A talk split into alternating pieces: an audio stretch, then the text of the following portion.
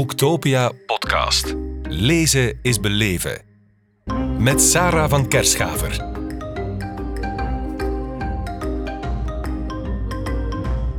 Helen Fields, welcome to our podcast here at Boektopia. Hello, thank you for having me. Hello.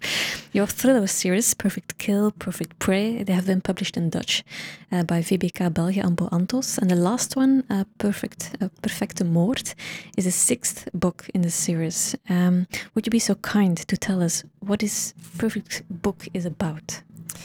So um, it is set in Scotland. So this is part of a series of detective novels that are set in Scotland, and it obviously has a repeating cast of characters that you see each time, but obviously a different a different crime. So the last book in the series, um, uh, Perfect Moord, um, is about. Um, that's the only bit of con- good uh, pronunciation Perfect I'm going to do. yes. um, uh, is um, about uh, there's there are two stories going on at the same time. One is about a young man who's been put into a container ship, so he's just taken off the street. He's drugged. He wakes up in a container ship going across the sea. He has no idea where he is, who's taken him, or what's going on. And um, we're uh, back on land uh, in the UK, so he's on his way to France back in uh, Scotland, there is a human trafficking ring which are uh, taking young women from Eastern Europe and uh, using them uh, to do a series of games and competitions, all of which are totally awful. Um, my books are quite often called Not for the Faint Hearted, which I think is fair. It's a fair description of them. Um, and so you have these two compute, competing storylines, and obviously, um, I have one of my detectives in France, and I have one of my detectives back in Scotland, and they're both trying to figure out these cases, and they all come together at the end. Oh, okay. Um, well, you say it, it's not for the well. It's on Goodreads. Uh, there was a writer, a reader who wrote, "Perfect Kill has plenty of violence, gore, and action to keep the hardiest of hardiest of readers entertained." How demanding are readers of your thriller genre? Um, quite demanding, actually. And, you know, I made a mistake early on, which is that when I wrote the first couple of books in the series, they were very dark. They were very, you know, Mm. gory. There's, there is quite a lot of violence, although I hope it's not gratuitous. It's within the context of the story. But I try to write very realistically. So I am trying to draw a real picture of what these sorts of crimes are like. Um, and there were a few people were quite shocked by the first couple of books. And by the time I wrote the third book, I tried to um, uh, balance it out a bit. So I tried to write a book that was a little bit softer, that still had suspense and good characters, but that had less of the gore. Thinking, there we are, everybody will be much happier with me now because it mm-hmm. won't be quite. There won't be quite so much. And all that happened was that I got a flood of reviews saying, "Where was all the, you know, where was all the." Gore and the, you know we want more violence. We want we want it back. And so you i just it taught me a really valuable lesson which is that you can't please all the people all the time. And you have to write what is true to you. You have to write the story that you want to write. Mm. some people won't like it and you have to learn as a writer to live with that. Uh, not easy, I think, but no not not always easy but it's it's so much more important that that voice you have in your head yeah. is the voice that you put on the page. And you can't be scared of bad reviews you can't run away from it you just have to write you know the, the book that's in your heart at the time Mhm. Well, your books are based on a profound research, eh, like the trafficking of women, of women, theft of body parts for medical transplants. Um, how did you do the research for these books? Uh, When it comes to gore, for example. But i mean things like um, human trafficking because i used to be a criminal lawyer Mhm. i dealt with some of those cases Okay. and um, I obviously know police officers, and I, I, you know, have conversations with those people. The um, uh, use, uh, the theft of medical parts for for bodies, that was quite a lot of research. That's not something that I've come across in my own um, sphere of my, my profession. Um, and uh, a lot of that was on the internet. Um, I've spoken to some people that have had, you know, kind of um, some uh, involvement in those cases, uh, just really advising on them. Um, but it does happen. It still happens in, um, you know, mainland Europe. It happens in the UK. It's something that we don't talk about very often. Um, there were a whole spate of them. While I was writing, there was a whole spate of those cases in China, actually, um, going on, and they were being investigated at the time.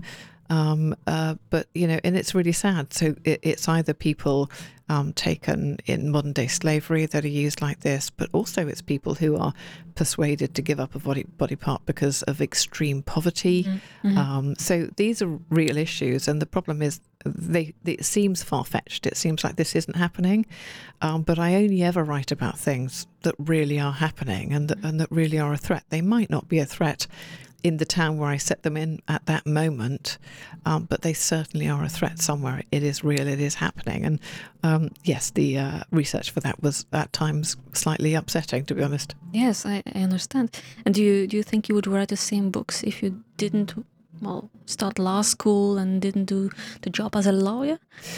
Um, I think I've always liked um, quite dark, disturbing books myself. So I grew up as a teenager. I was reading a lot of Stephen King and um, yeah, Dean Koontz and James Herbert, and quite a lot of horror movie, you know, horror, horror genre books.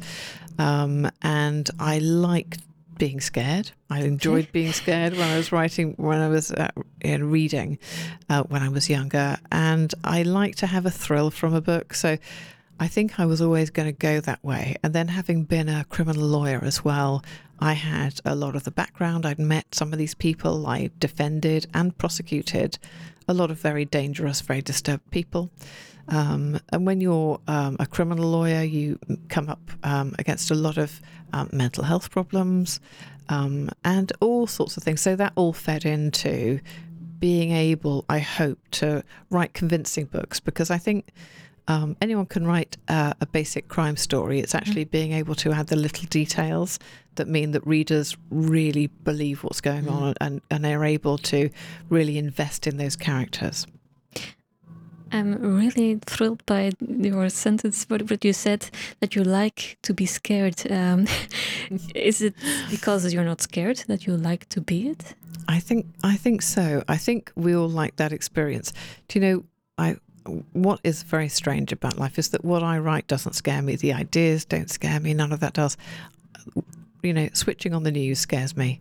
Hmm. That's you know when I have to look at footage of real victims of crime, and when I have to see the reality of life, you know that's what I find scary. Okay. So that's a that's a that's sad scary. Whereas what we do when we read a crime novel, that's kind of getting a thrill scary. That it's the same as putting a horror movie on, waiting for the jump scare, um, and um, it's an interesting exercise to do that really well because it takes quite a lot of work to get a reaction from a, an audience, from Mm. readers, so that they genuinely feel disturbed or scared or upset. You know that, and that's the key because ultimately, what we really want from a crime novel is not just to be given a puzzle and to solve it. We want to have an emotional reaction. Mhm. It should be a journey and experience.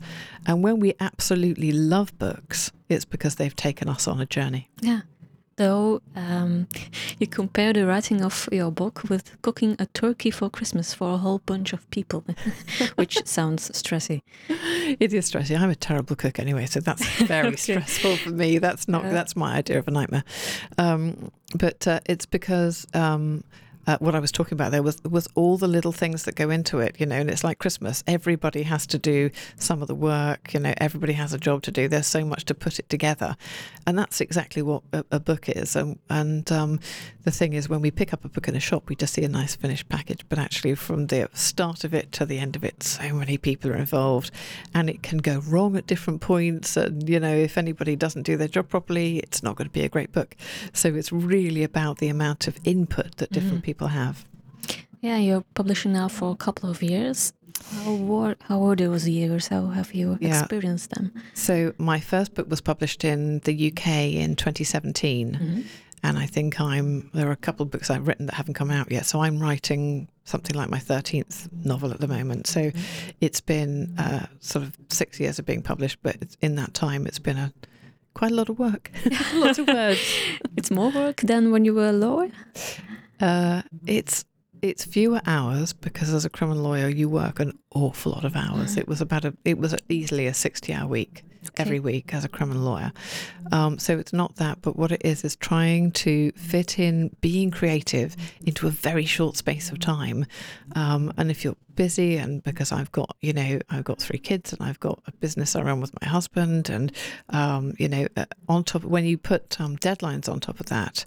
Uh, it becomes stressful, and the problem is being able to switch off your head from everything else and say, right, I've got four hours today. I'm going to sit down, but I'm not going to worry about, you know, did I pay that bill? I'm not going to worry about have I done the shopping. I'm just going to be creative. So actually, the trick with it and the stress of it isn't about the sheer number of hours.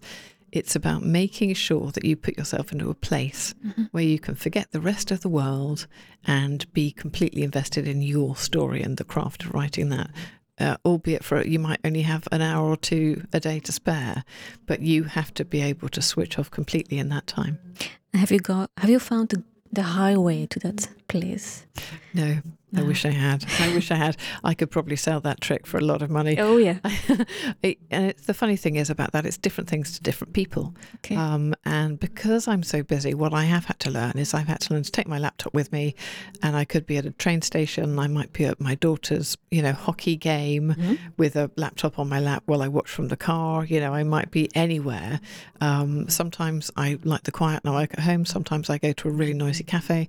Um, and you have to learn to be flexible and you have to learn to grab the moment. And occasionally I wake up at three o'clock in the morning and I, Ooh. you know, and, and I think I've got, I've got, you know, I've got that drive and I've got that moment and an idea and I go and get up and get the laptop. I mean, not very often. Okay. I'm, not, I'm not really a 3 a.m. well, three o'clock in the morning, that's something that scares me. But uh, okay, well, it's perhaps a, it's a stupid question, but do you often get mails or, or questions for Helen Fielding, at the author of Bridget Jones, instead of Helen Fields? All the time. Oh, no. All the time. It's really funny. But the worst thing is people send me sort of fan fiction, hmm. for, uh, you know, Bridget Jones, and, and they send me really long. They've written, you know, 10,000 words, and they send me the story, and I have to go, I'm so sorry, but no, that's just not me. But I get, I get stuff every single week. Every week? Oh, yeah, every week. And it's because Helen Fielding isn't on social media. Ah. Um, and so people just, you know, start typing it in and get author. Yeah. Um, and so all of her traffic comes my way, which sometimes is quite funny, but um, you know, I do regularly have to post things and just say, I'm sorry to you let you down. get paid. You're the kind of social media manager. I'll, for... I'll send her a bill. Yeah, okay, that's perfect. what are you dreaming of for your next project? So um, I have a book coming out in March. Um, of next year, which is going to be a hardback called The Institution. Mm-hmm. And it is about a psychological profiler who has to go undercover inside a high security mental health prison mm-hmm. and find out which of the uh, extremely dangerous serial killers on a ward um, killed a nurse and stole the nurse's baby. And so they can't bring the police in, they have to go in undercover, and she's locked in uh, in this tower as part of the staff. Um, but they don't know that what her precise job is, and she has to figure out which one of them did it. But they're all evil psychopaths, so you know who knows so so that's what i'm doing that's what i'm doing uh, i'm just working on the publicity for that wow. and putting uh, putting my next book together while i while i do that one and the places you describe in your new book are the places you well you went as a lawyer no do you know it's the first book where i haven't specified the location okay um, and I just part of me didn't didn't want to. I didn't want to make it one country or one place. Um, and it's between a backdrop of there's a mountain in, in the uh, behind this uh, ancient institution that's been reused as a mental health hospital, and there's a lake and a dam in front of it, so that if anybody escapes, they've got literally nowhere to go. Um, but it isn't set anywhere, and I I tried it thinking that might not work but um, actually, it, it seems to be okay. We'll see when, when people read it. Um, I'm quite wedded. When I read a book, I sort of want to know in my head exactly where it is. I want to be told a country and a mm. town. Mm. Um, but there have been a couple of other books recently that, that haven't done that, and it's worked okay because I think as an international reading audience, we're just able to imagine that in a place um, within our own geography and with our own language and we're not necessarily always having to read about somewhere that's beyond our own borders and boundaries. So we'll see. Jury's out at the moment. We'll, uh, we'll check Goodreads. Yeah. okay. Helen Fields, thank you very much for joining us here. Thank you. Okay. Boektopia podcast. Lezen is beleven. Beluister ook de andere podcasts live opgenomen op Boektopia 2022. Nu via je favoriete podcast-app.